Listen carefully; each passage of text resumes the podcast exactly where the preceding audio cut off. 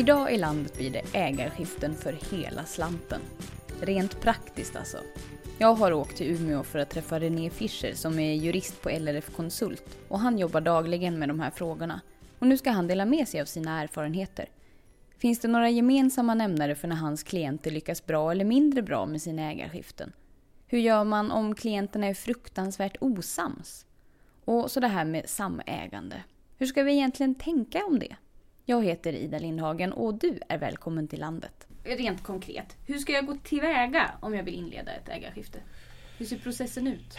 Det är ju lite olika men den vanligaste ingången är ju att nu har det väl blivit lite vanligare faktiskt att det är kanske övertagarna som tar kontakt med att vi måste göra någonting.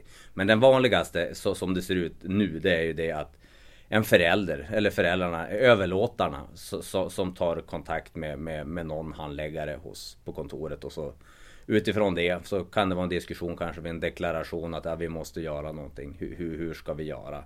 För vi, vi, brukar i alla fall dela upp det i tre delar ett generationsskifte och det, det, det är första delen kallar vi livspusslet eller jag, jag skulle, de mjuka frågorna.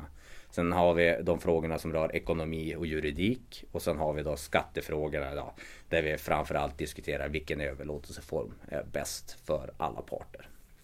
Så att eh, då, då, men redan initialt så brukar jag rekommendera att alla får, så, så, så, som kan bli inblandade ska få vara med. Och jag menar det kan ju vara en förutsättningslös diskussion. Ibland så tas det hemma vid middagsbordet. Eller så tycker föräldrarna eller ja, överlåtarna att det är jättejobbigt. Och då får man ta ett möte med allihopen och så får man diskutera hur, hur, hur ser ramarna ut? Vad får man göra? Vad kan man göra? Och så sen får man ta det utifrån det. Men jag brukar aldrig, man ska inte stressa fram någonting utan det är bättre att det tar den tid det tar. Och just de här mjuka frågorna eller livspusselfrågorna är ju nästan de frågorna som jag personligen i alla fall tycker man ska lägga mest krut på. För att sen de här eh, skattefrågorna, ekonomiska frågorna och juridiken Då, då, de, de kan man ta eftersom men att alla får vara med och tycka och tänka i alla fall för då blir det oftast en enklare process för alla. Men om det är större släkter till exempel på något sätt att det finns fastrar och mostrar och kusiner inblandade. Är det skillnad i tillvägagångssätten då? Alltså det, det, du kan ju, du, du har ju så, så, så, som överlåtare höll jag på att säga så har du ju möjlighet att eh, att i princip du kan ju ge den till vem du vill rent teoretiskt och du kan ju även sälja den till vem du vill. Den frågan man oftast stöter på där man stöter på patrull med inom familjen det är ju rättvisefrågorna. Hur ska vi kompenseras på ett rättvist sätt? Att det ska vara lika mellan oss. Så att eh, mm. ja, en överlåtare eller fastighetsägare om, om man inte har några barn så skulle han ju kunna skänka bort hela fastigheten till en kusin fast det finns många andra och då, då kan de ju tycka att det är orättvist. Men det, det, det har, du kan inte rent göra någonting egentligen. Vilka skiften är svårast? Ja, det, det, det, är väl eh, de, de skiften som jag tycker kan vara svårast. Det är väl de där de inte har fört någon diskussion innan utan det är någon som säger att så här ska det vara. Det kan vara både överlåtare eller ja, de här potentiella övertagarna som säger ja men så här är det. Vi är överens om det här och så sen så när, när man då har gjort allting och man, man kommer fram till, till vad, vad, ska man säga, slutklämmen när vi ska skriva avtalen och fixa allting och, och föra över fastigheterna så är det, kom, kan det ju ofta komma fram att det inte riktigt är så. Men jag brukar säga att det är bättre att det får ta den tid det tar. För att vi är ju alla olika som människor och vissa är otroligt snabba i, i, i, i sinnet medan andra är, behöver tänka längre. Det är bättre att det får ta en tid så att alla har haft tid att fundera. Kan jag eller vill jag ta över? Så att man, man, man hamnar i, i, i, inom vad ska man säga, förutsättningslös diskussion. Finns det möjlighet för mig att ta över den här? Och har jag tid att kunna besvara den frågan? finns det det. För ibland så är det att det ska gå så himmelens fort och då hinner inte alla med. Och då är vi ändå fast man tycker att man har haft en diskussion så kanske det är den här äh, som inte alltid är så himla rapp i tanken skulle kanske ha velat ta över fast det gick av bara farten. Man blev, det kan vara påtryckningar, det kan vara jag vill inte bråka eller men någonstans så, så, så, så kanske är så att jag hade, och det kan vara den som hade bäst förutsättningar också att ta över. Hur lång tid brukar de ta de här processerna då? Tänkandet? Tänka, ja men det är väldigt, det, det är som sagt var, det, det är väldigt olika. Jag har ju det beror ju lite på hur, hur, långt de själva har kommit i processen. För jag brukar tycka, eller jag säger alltid att hur, hur, hur, ser ni på värdena? För det är ofta att det är där någonstans vi hamnar. Vilka värden är det vi ska uppta i, i det här ägarskiftet? Och, och, och ha, i, i, vissa fall så har de redan kanske fått fram en skogsbruksplan eller en värdering på, på fastigheten. Och det är ju bra i sig för då har man ju en, en diskussionsgrund där man, de har ändå någonstans tagit sig en bit på vägen. Vi vet vilka värden vi, vi diskuterar och, och, och sen utifrån det så får man ta en diskussion.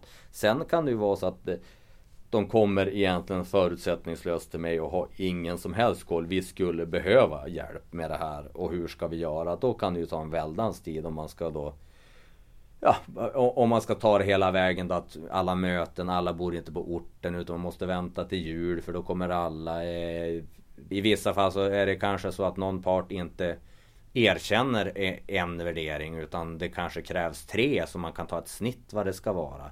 Men det beror helt och hållet på hur långt de har kommit i processen skulle jag vilja säga. Men pratar vi år eller månader? Det kan det göra. Ja, det, det, det, är olika. Det kan gå på, på någon månad också om man har alla är väldigt överens och framförallt om det är mindre. Alltså det, det, det är en överlåtare och kanske två barn eller ett barn. Då är det ju absolut inga Brukar inte vara något problem utan det är ju när det, det blir flera barn Stora värden och, och, och, då tar det ofta, kan det ta en himmelens tid. Men om, om vi lämnar släktdelningar mm. och, och tänk, tar ett annat exempel. Jag tänker en grupp kompisar till exempel mm. som vill starta jordbruk. Hur ska mm. de tänka? Ska man äga lika mycket? Är samägande bra om man är vänner? Eller vad har du för råd att ge? Ja, samägandet i sig så kan jag väl säga är jag väl inte så det är jättemycket för. Men om man ska samäga så måste man reglera det tycker jag. På att man, man, man, man är väldigt tydlig vad är det som ska gälla mellan parterna. Så att det inte blir att det är någon som hamnar på att ska göra allting och, och eh, de andra kommer bara in när någonting ska fördelas, när de ska, ska, ska få ut pengar eller någonting. Så att, och, om man går in i ett samägande nu så är det oftast är det ju så att samägandet sker ju i lika delar så att alla har lika, lika stora andelar och då kan man ju tycka att då ska man ju någonstans reglera det via något avtal där, där ett ja, kompanjonavtal där man någonstans går igenom vad är det som ska gälla för sen om parterna är överens om att den ena parten inte ska utföra lika mycket jobb. Ja men eh, vad, vad, vad, vad händer då? Precis. Kan man betala den då av ägarna som gör jobbet? Så att man liksom kan vara man det, kan det kan man göra. anställd av gruppen då? Det kan man göra. Utan och reglera det, timmar på ett enkelt sätt? Ja, det är ju helt och hållet på, på mellan parterna hur man ska vi, vi säger att det är tre stycken som ska samäga en fastighet. Och, och, och de blir lagfarna ägare. De äger den till lika delar. Då kan man ju då eh, skriva ett avtal sinsemellan vad som ska gälla mellan parterna. Att det kan ju vara så att någon bor på orten och ska ta hand om gräsklippning och målning av huset mot att han ska utfå en, en summa pengar för det. Och då, då, det, då får ju parterna vara, vara överens om det. Sen då får de ju Blir det en tvist mellan dem får man väl pröva det i så fall. Men då har man i alla fall ett avtal. Det är bättre att man skriver något sorts avtal mellan varandra så man vet vad det är som ska gälla. Men om man tänker att man äger olika mycket istället då för att kompensera? Att den som gör mest får äga lite mer och då har mest att säga till om. Är det en bra lösning? Ja, äh, både och. Det, det, det beror väl lite på. Men då kan man reglera det på så sätt att man, man, man olika andelar, att man ska få ut Ja, vi säger det är en skogsfastighet, man gör en skogsavverkning, att den som äger en större andel ska få mer enligt sin andel. Det skulle man ju kunna tänka sig. Men ja. det är ju inte att föredra. Samägande tycker jag är... Man, jag brukar säga helst inte mer än två. Utan men det, så är det det funkar. Jag vet ju eller ärenden där det, det, funkar otroligt bra men det är jättemånga. Men sen kan det vara att det är någon i ett annat ärende där det är två så funkar inte det heller. Det kanske är svårast i det här mellanskiktet. Ja, ja. är man det, jättemånga ja. så krävs det så himla mycket annat. Ja och där tror jag att där vet man ju om att man, man har begränsad möjlighet kanske att göra någonting med, medans eh, man har inte samma krav på Nej. det ägandet. Nej, och så, så är det ju. Men det, det är ju svåra frågor tycker jag, vilket som. För att det är ju inte bara att äga någonting, det måste ju faktiskt förvaltas på något sätt också.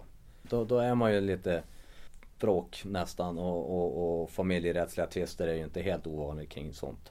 Men när vi ändå pratar om familjerättsliga tvister då. Mm. Om du ska hjälpa en familj som är jätteosams. Hur gör Mm. du då? Ja då ska jag nog säga redan att om, om jag får höra redan på en gång och så, som sagt var att det oftast är det ju antingen barnen eller eh, då föräldrarna som hör av sig. Och så säger de att det här är inte bra. Då brukar jag faktiskt ta in, ta in dem på, på, på ett möte allihopen och, och, och diskutera med dem och framförallt eh, rita upp bollplanen om man säger så här ser det ut. Det här är de möjligheterna som finns. Eh, sen är det ju faktiskt så att mor och fars önskan väger ju ganska tungt ändå. Ja, men det är ju deras fastighet. De får ju faktiskt göra lite vad de vill med den. Sen så innebär det ju inte att de inte ska vara rättvisa. Det är inte det jag menar. Utan någonstans, deras vilja och tanke ska ju faktiskt... Det är faktiskt så att de har otroligt mycket att säga till om att jag vill att den och den ska ha det. Men då brukar det lösa sig. När man förklarar rent både juridiskt och vad det är som gäller, vad man kan göra. Eh, vad finns det för möjligheter? Ja men, eh, ja, men köp och gåva. Eh, och, och, och när man kommer så brukar det i alla fall lugna ner sig lite. Men jag ska inte säga att det alltid går bra. Men, men, men eh, man, det är värt att träffa professionell, alltså professionella människor som jobbar med de här frågorna. Som kan det de gör. När man ritar, man säger ja men så här ser det ut. Ja, att Pelle har möjlighet att köpa den här nu eller eh, motprestera. Så ni kommer att få ut en, en summa pengar. Men, men eh, då Majsan är jätteintresserad. men Hon säger när man har ritat upp den här bollplanen att så här ser det ut. Jag har inga fysiska möjligheter att eller ekonomiska möjligheter att ta över fastigheten. Då kan det ju som lugna ner sig. Men det, det är inte alltid så. Men oftast är det utan jag brukar vilja träffa dem och så får man prata med dem. Och sen är det så att du kan ju egentligen snedfördela ganska mycket om man vill. Eh, för att du har ju att det är egentligen det enda man har rätten till det är ju sin laglott. Ja, det är väl kanske inte lämpligt alltid att säga det men, men det finns ju ärenden där, där föräldrarna vet om vad det är som gäller. Och så säger man då ska vi beskära din del så gott det går. Om du ska vara obstinat och inte vilja samarbeta. Och det är ju kanske inte rättvist så men, men det är ju faktiskt det är ju lagen som, som, som ställer upp de reglerna. Det är ju ingenting vi kan göra någonting åt. Nej. När vi ändå pratar Mm. eh, orättvisa och rättvisa. För jag tänker att det här är väl kanske något som den äldre generationen tampas mycket med. Hur ska jag göra så att det inte blir orättvist? Mm. Eh, om det är en ganska stor gård till exempel. Mm. Där det inte finns något kapital som kan kompensera. Så att ska den finnas kvar i familjen så bygger det på att några syskon får mindre liksom. Kan det bli rättvist? Eller måste vi släppa den här tanken på rättvisa? Det tycker jag ju inte. Alltså man, man, jag tycker inte att man ska, man ska släppa tanken på att vara rätt. Det borde ju vara, det borde ju vara huvudlinjen i, i, i, i jag höll på att säga, i, i, inom familjerätten på så sätt att vi har ju ganska bra regler som säger vad man får göra och inte. Men, men sen har vi ju de här, precis som du är inne på, att det kan ju bli fel. Men då, då, då får man ju då är vi ju inne i de här mjuka värdena att diskutera med Ni har sagt egentligen att det finns bara en person som kan överta För att det har ni kommit överens om att det är bara Pelle som kan ta över den här fastigheten. Men han kan inte kompensera till 100% Det finns inga möjligheter. Men ni har kommit överens om att ni vill att han ska ta över den. Ja för att den inte ska gå ut på allmän försäljning då. Och då får man ju ta, ta, ta det från, från det och, och diskutera Men vad kan vara en rimlig summa? För ibland det, så är det även om man jobbar med, ja men överlag med den här Med bodelningar, äreskiften, eh, sådana frågor att Det behöver inte alltid vara exakt på kronan rättvist. Men då är det ju det att då bygger det ju på att alla får vara med på att bestämma det. Att inte bara säga, ja men du får endast det Nej, så Men- det handlar egentligen om, om känslan av att det är rättvist. Ja, jag skulle tycka, jag, jag skulle vilja säga det att i alla fall att så, så, så, så jag för det är då i alla fall min, min, devis att försöka i alla fall få det så rättvist som möjligt. Och utifrån de förutsättningar som finns. Sen är det ju tyvärr så att om de tio år fastigheten att eh, ja, brorsan har fått tag över och så säljer han den för tre miljoner till. Ja, det, då är det ju tyvärr så. Det kan man ju inte göra någonting åt utan transaktionen i sig är ju gjord. Mm. Så då, men det kan man också reglera i alla fall i att i, sätta vissa former av tidsbegränsningar på vidareförsäljning och sådär. Ja, det, jag, jag brukar ju, jag, det är ju samma sak. Det finns ju hembudsklausuler och samägandeklausuler och sånt som man kan ta med. Men där försöker man väl, i alla fall vi här, så att försöka få bort så många som möjligt av sådana. Och precis som du säger, ska man nu ha en, eh, sådana klausuler så är det bra att man tidsbegränsar dem. Så att det inte, det kan ju få otroliga inlåsningseffekter. I vissa fall så kan man inte eh, Ja men, ja men hembud, att man inte får sälja det hur som helst. Utan man brukar försöka hålla, vad ska man säga, det, eh, så rent som möjligt. Att, så att det inte blir, ja men det kan ju vara någon som blir väldigt, väldigt sjuk och så sen så, så, så, så har man skrivit avtal där det står att man, ja, du får inte sälja och vad händer då? Nej. Ja, då har vi ett problem. Vi har eh, tidigare i avsnitt pratat om lämplig ålder för att inleda ägarskiften. Eh, och då har alla de unga lantbrukarna svarat att de tycker att det ska ske så tidigt som möjligt. Håller du med? Ja, både och ska jag väl säga. Nu, nu är jag ju strategisk och säger så att det beror på. Eh, men, men det, det, kan jag väl säga att i, i, vissa fall är det väldigt bra. Men sen har det ju också med, det har ju så otroligt många aspekter som spelar in på det där. Mognad på den som övertar, det är inte alltid helt... Ofta så är det väl så att den, den som ska överta har haft någon sorts varit med i drift. Om, om vi pratar om jordbruk eller skogsbruk ändå. Eh, men, men det har ju med mognad Det är inte alltid enkelt att bedriva en verksamhet och att man väl vet om det. Men sen så, så i en annan fråga då där, det är ju det att de här då, överlåtarna, alltså mor och far om vi säger så, är ju oftast den inkomst de har. Om oftast är det en, en stor fastighet så är de kanske de inte har något annat arbete eller har haft något annat arbete utan det är skogen och jordbruket de har levt på.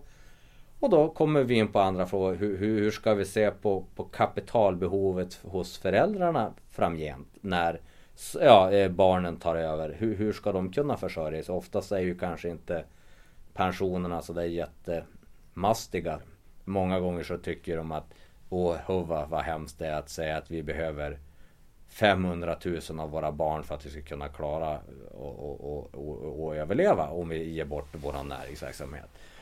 Och det, tycker, det, det brukar vi diskutera, det är bättre att ta höjd och för att det kan du lösa sen att om man nu får 500 000 så är det ju ingenting som säger att de där 500 000 kan du ge till barnen sen.